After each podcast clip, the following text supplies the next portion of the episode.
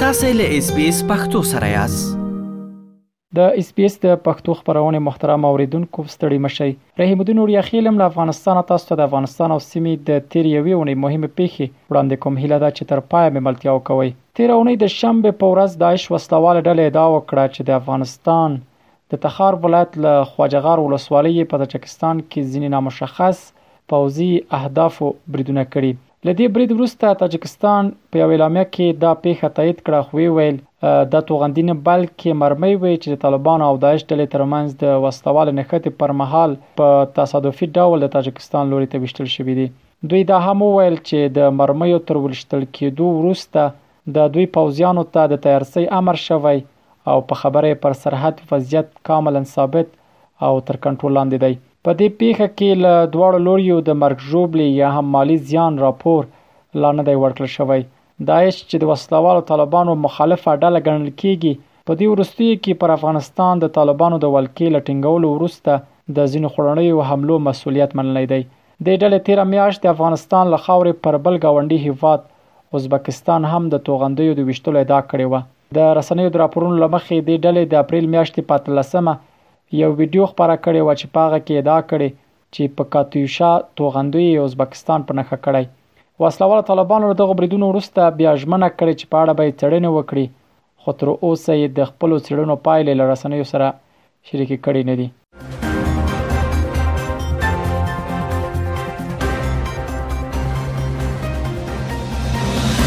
د افغانستان لپاره د اروپايي ټولنې ځانګړي استازي توماس نیکلسن ویلي، هیڅ داسې نښه نه لیدل کېږي چې وښایي طالبان به له شپږم ټولګي پورته د نجونو پر مخ ښوونځی کله پرانیزي. هغه چې کابل ته یې سفر کړی، وویل چې طالب چارواکو سره یې له شپږم ټولګي پورته د نجونو پر مخ د ښوونځیو د پرانیستو په اړه خبرې کړي. نیکلسن د طالبانو د پوهنې وزرت له سرپرست سره تر لیدنې وروسته په خپله ټویټرپاڼه ولیکل، په دې ناسته کې د نجونو د ښوونځیو د پرانیستو په اړه وپوښتل، خو سره له دې چې ژمنه تکرار شوه مګر هیڅ داسې نښه نه وه چې دا ښوونځی به کله پرانیستل کیږي. خو د طالبانو د پوهنې وزرت بیا وایي، چې په افغانستان کې تر شپږم ټولګي پورته د نجونو ښوونځیو د بیا پرانستل کېدو په اړه یوه کمیټه کار کوي. دوی دا نه ده روښانه کړې چې دغه کمیټه به کله کار پیلوي، خو دومره یې ویلي چې په دې کمیټه کې به پرېکړه کېږي چې د نجونو ښوونځۍ تر کومو شرایطو لاندې پرانستل شي. لس میاشتې کېږي چې طالبان پر افغانستان واکمن شوي دي، دې ډلې له همدې مودې را په دې خوا له شپږم ټولګي پورته د نجونو ښوونځۍ تړلي چې له دې امله د نړیوالو تر سختو نیوکو لاندې دي.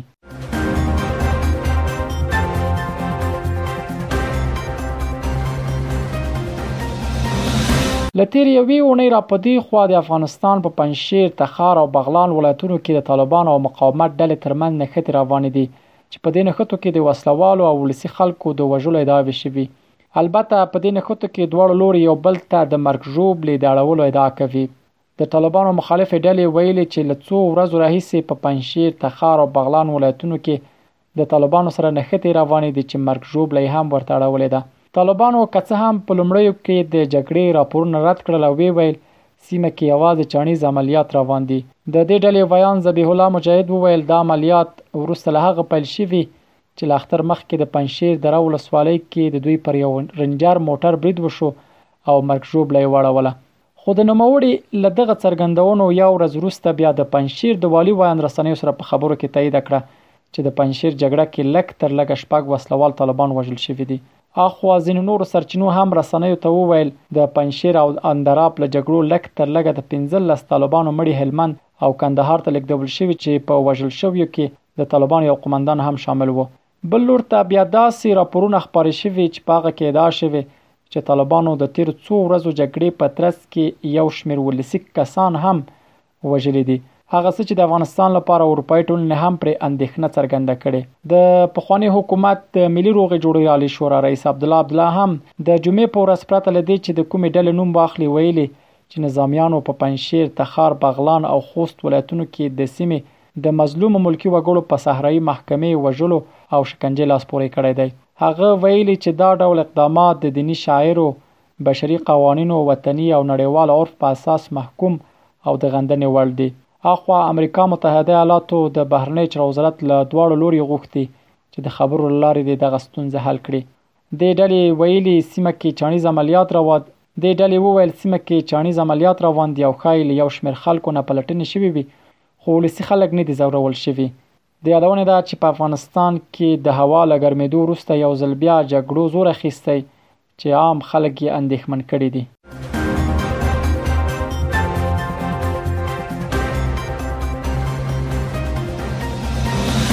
د ملګرو ملتونو د خوړو نړیوال پروګرام او د خوړو او کرنې ادارې په یو ګډ راپور کې ویلي چې افغانستان نږدې شل میلیونه خلک له سختې لوږې سره مخ دي. دغه راپور چې د تېرې اونۍ د دوشنبې په ورځ خپور شو پکې راغلي ول که څه هم بشري مرستو په ژمي کې د انساني فجعې مخه ونیوله خو لا هم په دې هیواد کې په بېسارې توګه لوږه شتون لري په دې راپور کې په افغانستان کې د خوړو امنیت نازک بلل شوی و او غوښتنه شوې چې په دغه هیواد کې د لاړمنو سره مرستې وشي خو په دې راپور کې دا وړاندوینه شوې چې د غنمو د حاصلاتو پر رسیدو او د بشري مرستو په زیاتیدو سره به د روان کال په نومبر میاشت کې د لوږې دغه کچه 18.9 میلیونه کسانو ته راښکته شي. په دې راپور کې ملګرو ملتونو خبرداری ورکړی چې اوسمهال په افغانستان کې وچکالي او اقتصادي بحران د میلیونونو انسانانو ژوند ګواښي او ټینګار یې کړی چې اوسمهال په دې هیواد کې د خوړو نه خوندیتوب کچه تر ټولو لوړې کچې ته رسیدلې. د خوړو نړیوال پروګرام او د ملګرو ملتونو د خوړو او کرنې ادارې په دغه راپور کې همداراز ویلي چې په ټول افغانستان کې اړمنو ته د مرستو رسولو په برخه کې خپلو هڅو ته دوام ورکوي او په خبره یې هڅه کوي خلک له لوږې څخه وژغوري. په افغانستان کې د لوږې او قحطۍ زیاتوالي اندېښنې پر داسې مهال راپورته کیږي چې تر دې دمخه هم ملګرو ملتونو ویلي و چې اوس مهال د افغانستان 23 میلیونه وګړي له لوږې سره مخ دي او شاوخوا 15 نوي سلنه خلک یې کافي خوړو ته لاسرسی نه لري. دغه سازمان همداراز ویلي و چې لس میلیونه افغان ماشومان د ژوندي پاتې کېدو لپاره بیړنیو مرستو ته اړتیا لري.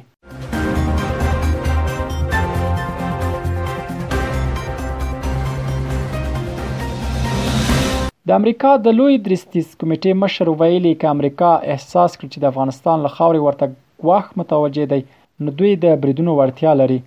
مارک میلی د تیرې اونۍ د چهار شنبې په ورځ د امریکا د سنا مجلس د دفاعي کمیسیون یو کمیټې ته په وینا کې وویل چې امریکایي پوځیانو لا هم پر افغانستان خپل څارګر فعالیتونه جاري ساتلي خو د دغو فعالیتونو بڼې په اړه جزئیات نه دي ورکړي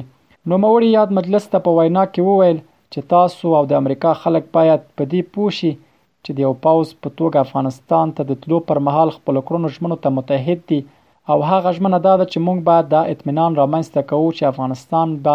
بیا په داسې یو ځای نه بدلیږي چې له هغه ځایه به ترهګر په امریکا برید وکوي. طالبانو د ښاغلي میلر دې څرګندونو ته په غبرګون کې ویلي، دوی د دغې ډلې د ځپلو وړتیا لري او بل چا ته اړتیا نه لیدل کېږي چې په داسې کوم اقدام دې لاس پورې کړي. امریکايي چارواکو وروسته له هغه دا ډول څرګندونې کوي چې په تېرې روژې میاشت کې د افغانستان په بېلابېلو ولایتونو کې ترهګریزې حملې او بریدونه وشول چې د یو شمېر هغوی یې پړه داعش وسلهوالې ډلې په غاړه واخیستې.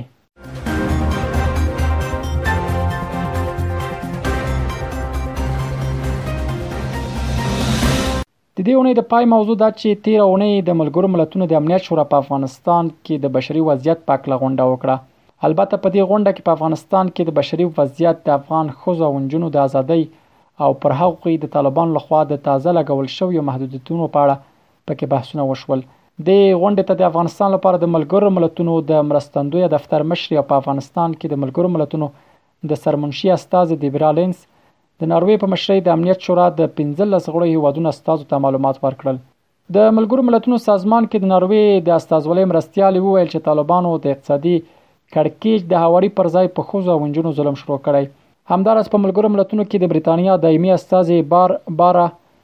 وویل که طالبان داسې تګلارو ته دوام ورکړي ډیره ستونزمنه ده چې افغانان او نړیوال یې د یو مشروع حکومت په توګه ومني. د یادونې ده چې د امنیت شورا دا غونډه وروسته له هغه راوبلل شوه چې طالبانو